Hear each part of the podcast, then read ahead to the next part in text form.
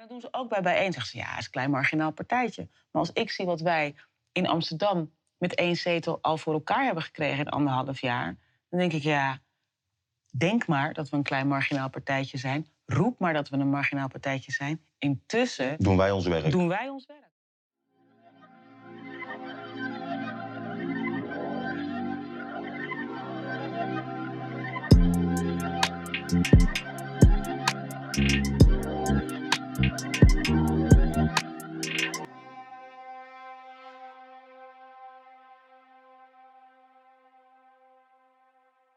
Giovanna, van danseres, ehm videojockey, ehm naar politicus, dat is een vrij grote stap. Ja. Eh, Waar is dat zaadje ergens ontsprongen? Hoe, hoe, hoe gaat zoiets? Wanneer dacht je van, ja, nu is het tijd om dit te gaan doen? Ja, dat is echt een interessante vraag die ik mezelf ook heel vaak stel. Want op papier is dat een hele grote stap, maar het is wel een proces van meer dan twintig jaar. Dus ik ben eh, eh, mijn carrière begonnen eh, als danseres bij artiesten, in discotheken, over de hele wereld. Daardoor ben ik de televisie ingerold, en de entertainment ingerold. Mhm. Op een gegeven moment ging ik steeds meer inhoudelijke programma's maken. En werd ik uiteindelijk tafeldame bij De Wereld Draait Door. Dus voor mij is dat, dat proces naar, eh, van, van vermaak naar inhoud... dat is heel geleidelijk gegaan. Ja. Maar goed, dan is het nog steeds een grote stap om te zeggen... ik ga de politiek in. Ja. En dat is voor mij echt wel gekomen op het moment dat ik me realiseerde... dat waar ik vroeger misschien dacht... eh, mijn aanwezigheid eh, in het, de publieke ruimte als entertainment, hè, entertainmentdame eh, is genoeg. Mhm. Realiseerde ik me opeens van nee, ik kan meer doen. En als ik dat weet, moet ik ook meer doen. Ja. Dus dan heb ik ook een bepaalde verantwoordelijkheid te nemen. En ik maakte me op een gegeven moment wel kwaad genoeg over ehm, nou ja, het feit dat, je, dat mensen denken dat ze maar alles ongestraft moeten kunnen zeggen. Ehm, niet alleen tegen mij, maar ook tegen anderen. En dan, dan wordt het een beetje een ehm, voortschrijdend inzicht. Want dan denk ik, oké, ik moet iets doen tegen, eh, tegen racisme. Mhm. Ja, maar dan moet ik ook iets doen tegen seksisme. Want het gaat ook vaak hand in hand. Ja. En als je het ene onrecht aanpakt, kun je het andere, wat mij betreft, niet laten liggen. Dus het, het, het is een soort proces dat ertoe geleid heeft eh, dat ik dacht, ik ga dat, ik ga dat proberen, ik ga, ik ga dat doen.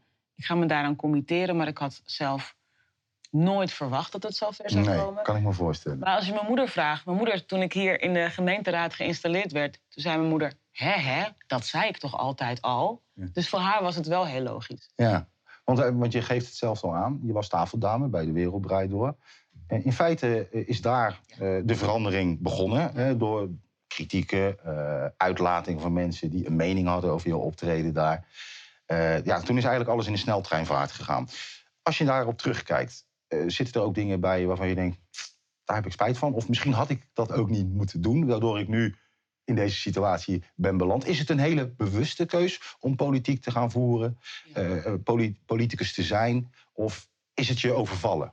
Nee, ik, het is wel een hele bewuste keus geweest. Ik heb er echt wel wat nachten over geslapen... met een kleine groep mensen over gesproken. Ehm, ik wist wel van... Hè, je, het is een verantwoordelijkheid die je neemt... waar je niet dan ook weer net zo makkelijk van weg kunt lopen. Ehm, en eerlijk gezegd, ik heb geen spijt van de optredens die daartoe geleid hebben. Nee. Die dat, die dat, nee, helemaal niet. Integendeel, ik ben er stiekem een beetje trots op. Omdat, omdat ik ook mezelf daarin tegenkwam. Ehm, ik ben altijd een heel bewust mens geweest, ook politiek bewust. Maar ik heb ook altijd heel bewust gekozen van ja, daar bemoei ik me niet mee. Of daar praat ik niet over. En de keren dat ik het wel deed, heb ik me misschien hier en daar wat ongelukkig uitgelaten. Maar toen ik echt zei, ik ga de politiek in, dat, toen wist ik, nou, daar komt commitment bij kijken. Ik wist ook dat de meeste mensen dat niet met open armen zouden ontvangen. Dus ik wist ook van, Sil, als je dit doet, moet je vooral uithoudingsvermogen hebben. En rechtop blijven staan in die wervelstorm die op je af gaat komen. Ja, want we hebben uiteindelijk te maken met een, een samenleving die heel erg verhard is. Ehm, wat zou er nodig zijn om die verharding tegen te gaan? Wat denk jij wat, wat het beste smeermiddel is? Nou, ik denk dat veel van die verharding uit angst voorkomt. De angst om te verliezen wat we nog hebben. En we hebben al zoveel verloren.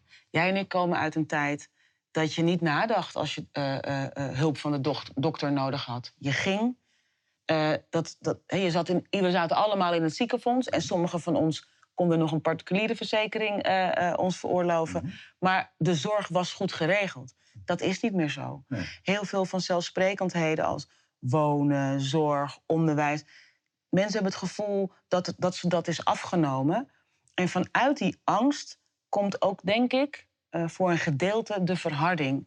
Gecombineerd met iedereen heeft tegenwoordig zijn eigen televisiekanaal, uh, krant. Want we hebben allemaal Facebook, Twitter, Instagram. We kunnen allemaal roepen wat we willen. We kunnen allemaal broadcasten.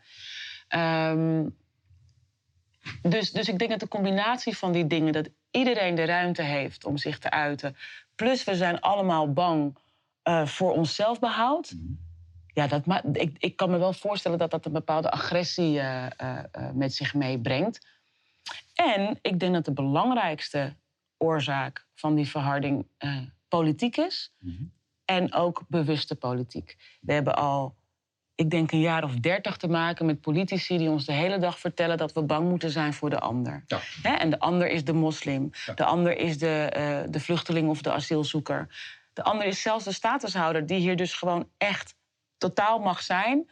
Uh, uh, maar die er misschien anders uitziet dan wij, dan wij gewend zijn. Ja, door, anders dan doorsnee. Dan doorsnee. Ja. dus, dus, dus ik zeg altijd, weet je... Um, de staat van dit land is echt uh, door de politiek beïnvloed. En wat mij betreft zelfs uh, georchestreerd. Want zolang wij bang zijn en ruzie met elkaar maken, uh, hebben we geen oog voor die grote graaiers aan de top. Nee. Hè? En als wij, als wij elkaar met, met, met ehm, wantrouwen bejegenen. Ik hou jou in de gaten om te kijken of je niet stiekem met je uitkering fraudeert.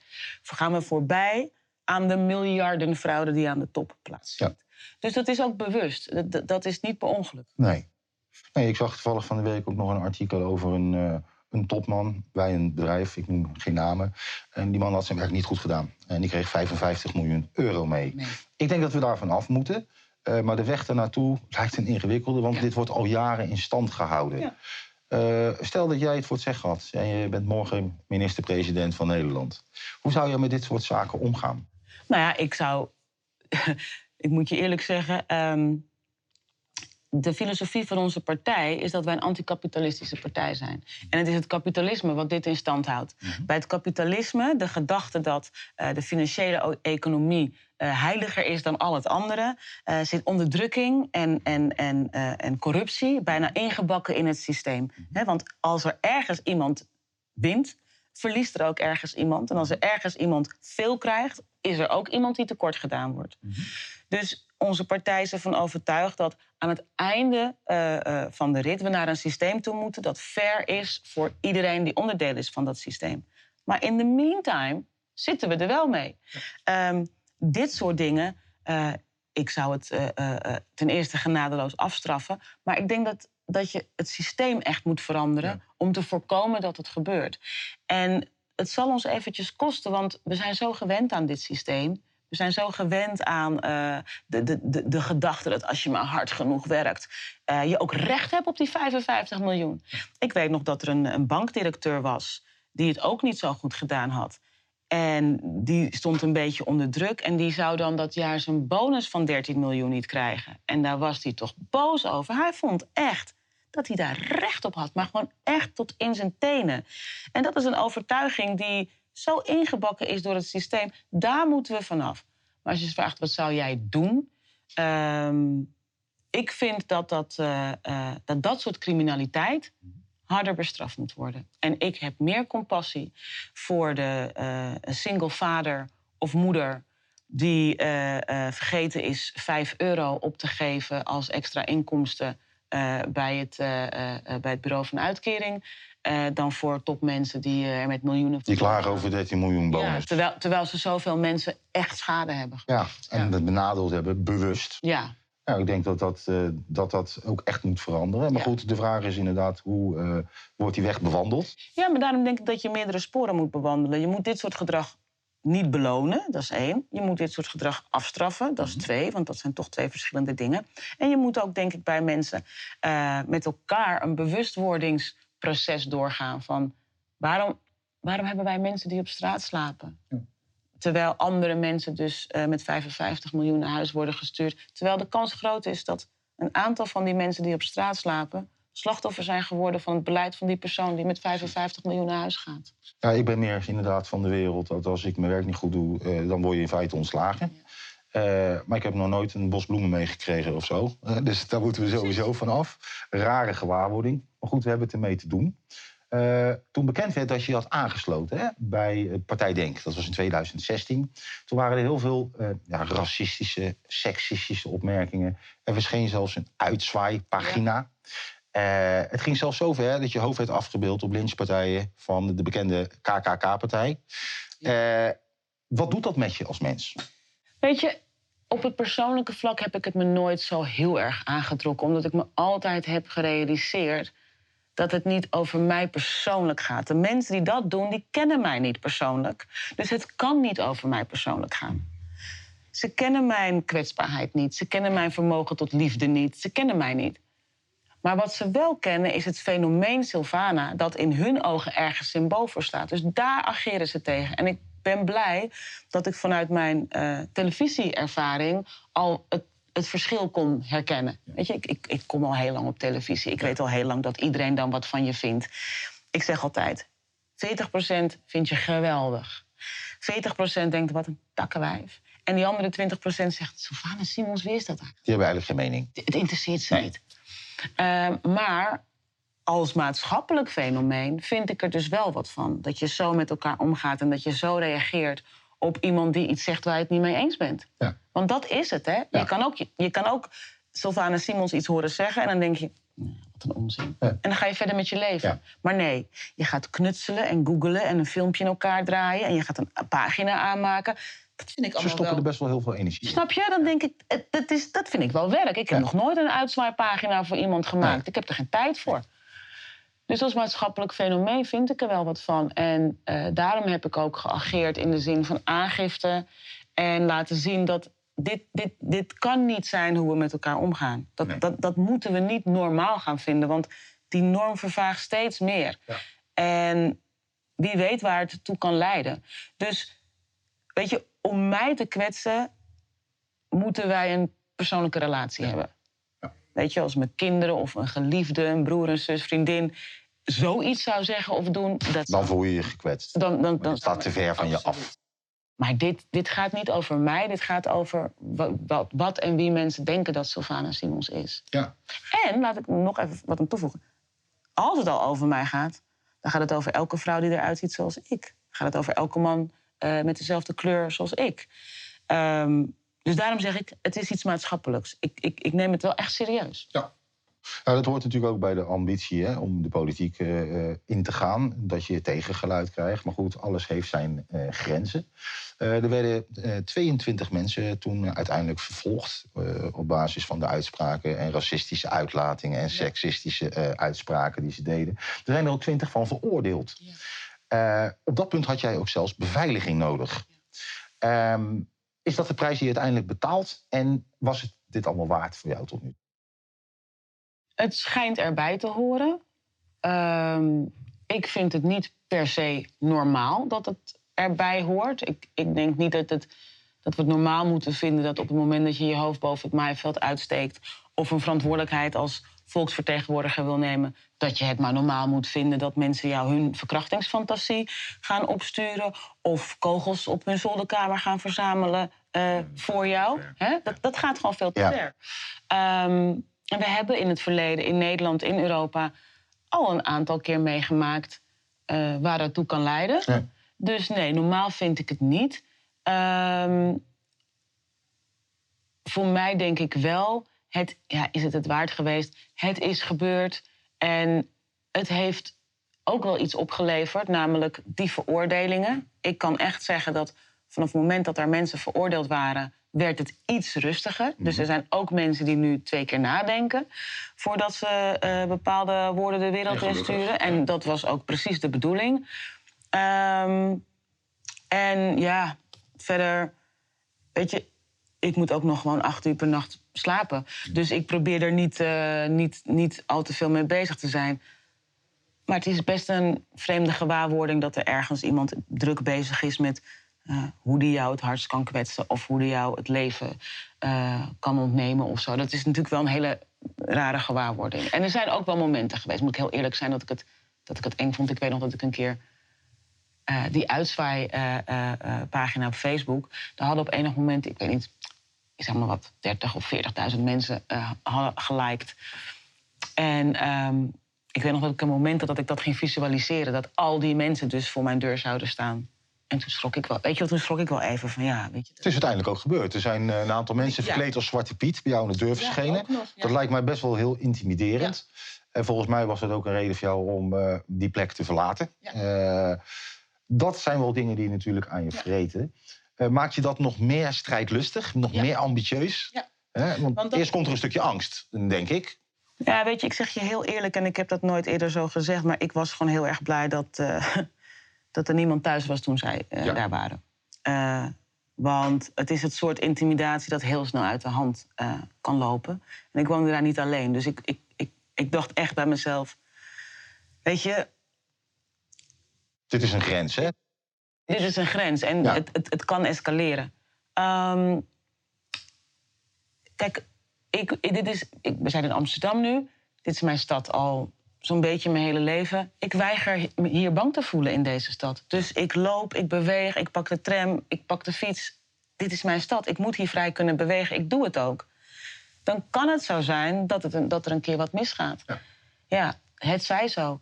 Maar ik wil niet leven met een continue angst op mijn schouders. Ik wil vrij leven en uh, dat doe ik zoveel mogelijk. Dus du moment dat ik het gevoel had van nou, ik wil geen beveiliging meer of ik heb het niet nodig, uh, heb ik ook gezegd, nou, ik wil het niet. Um, want gek genoeg lokt dat ook weer wat uit. Weet je, als ik in mijn eentje over straat loop, ben ik veel toegankelijker dan wanneer ik met vier grote uh, bodyguards om me heen loop. Hè? Dus um, ik, ik, het, ja, het is intimiderend. En er zijn momenten dat ik heb gevoeld van best wel spannend. Maar ik laat me niet intimideren en ik ben ook niet bang. Je laat je niet kisten, nee. Doordat, ja, ja. Mensen, mm, je hebt mensen, je hebt dieren en beesten, zeg ik altijd. Uh, maar ik heb dingen gezien waar ik heel erg van zou schrikken. En misschien mezelf ook wel eens terugtrekken. Dat maakt jou ook moedig. En dat vind ik eh, knap, dat je dat uh, gewoon verder voortzet. Als ik bijvoorbeeld naar jouw partijprogramma kijk, het partijprogramma van Bijeen, zie ik best wel veel overeenkomsten qua ideologie met bijvoorbeeld een Partij van de Dieren. Uh, ergens is dat gestrand omdat het misschien te hoog gegrepen was, te idealistisch. Um, waar, waarom ben jij overtuigd dat de idealistische ideeën uh, die jullie zeg maar, in het partijprogramma hebben staan, wel zou lukken? Als je kijkt naar zo'n Partij van de Dieren, die wordt dan toch een beetje ja, gedegradeerd tot een partijtje wat er dan niet toe doet. Hè? Ja, uh, ben je daar bang voor? Nee, want dat is ook het politieke spel. Kijk, heel veel mensen, en ik vind het ook wel een compliment hoor, zeggen: ja, jammer man dat het in 2017 niet gelukt is met die landelijke verkiezingen. Maar ik herinner mensen er steeds aan toen bestonden wij als partij drie maanden. Dus het zou ook wel wat geweest zijn als wij binnen drie maanden uh, zonder budget, zonder ervaring, een campagne hadden neergezet en bestaande partijen hadden. Verpulverd. Verpulverd. Ja. Dat lijkt me ook niet een gezond uh, teken. Het zou wel fijn zijn, maar. Het zou fantastisch zijn geweest. Zulke stappen worden er nog niet gemaakt. Maar uh. het zou ook ergens best een, vind ik, een ja, zorgwekkend signaal zijn. Ja. Hè? Um, dus ik, ik, dus, dus ik, ik zie die eerste verkiezingen als extreem succesvol, omdat we het wel bijna gehaald hebben. Maar dan jouw vraag over de Partij voor de Dieren. Het belangrijkste verschil tussen bij één, de Partij voor de Dieren en alle andere partijen die zichzelf als links uh, omschrijven, profileren, profileren, is dat uh, wij, wij dat allemaal in één partij zijn op groen, klimaat, duurzaamheid werken wij hier ook in Amsterdam heel veel samen met de Partij voor de Dieren. Maar het verschil is wel dat wij een partij zijn van, mensen vinden dat een moeilijk woord, intersectionele politiek. Dat betekent dat alles bij ons ook intrinsiek antiracistisch, feministisch um, um, uh, uh, en, en, en sociaal-economisch allemaal in één moet passen. En ik vind het een verschil als je zegt, ik vind racisme wel heel vervelend, of je zegt, ik ben een antiracist in hart en nieren. En bijeen uh, is in zijn DNA uh, uh, een antiracistische partij. En dat mis ik bij heel veel andere partijen. Ehm, dus wij erkennen wel het belang van groen, duurzaamheid, eh, eh, de rechten van dieren, eh, meer dan bijvoorbeeld een Partij voor de Dieren eh, het antiracisme erkent.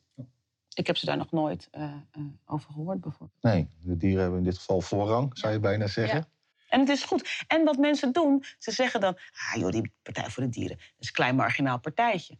Maar die krijgt wel, op de punten die voor de partij zijn... ontzettend veel goeds voor elkaar. Ja. En dat doen ze ook bij bijeen. Zeggen ze, ja, het is een klein marginaal partijtje. Maar als ik zie wat wij in Amsterdam... met één zetel al voor elkaar hebben gekregen in anderhalf jaar... dan denk ik, ja, denk maar dat we een klein marginaal partijtje zijn. Roep maar dat we een marginaal partijtje zijn. Intussen Doen wij ons werk. doen wij ons werk. Wil je meer weten over Sinus en het programma Horen, Zien en Praten? Abonneer je dan op ons kanaal en blijf ons volgen. Tot ziens!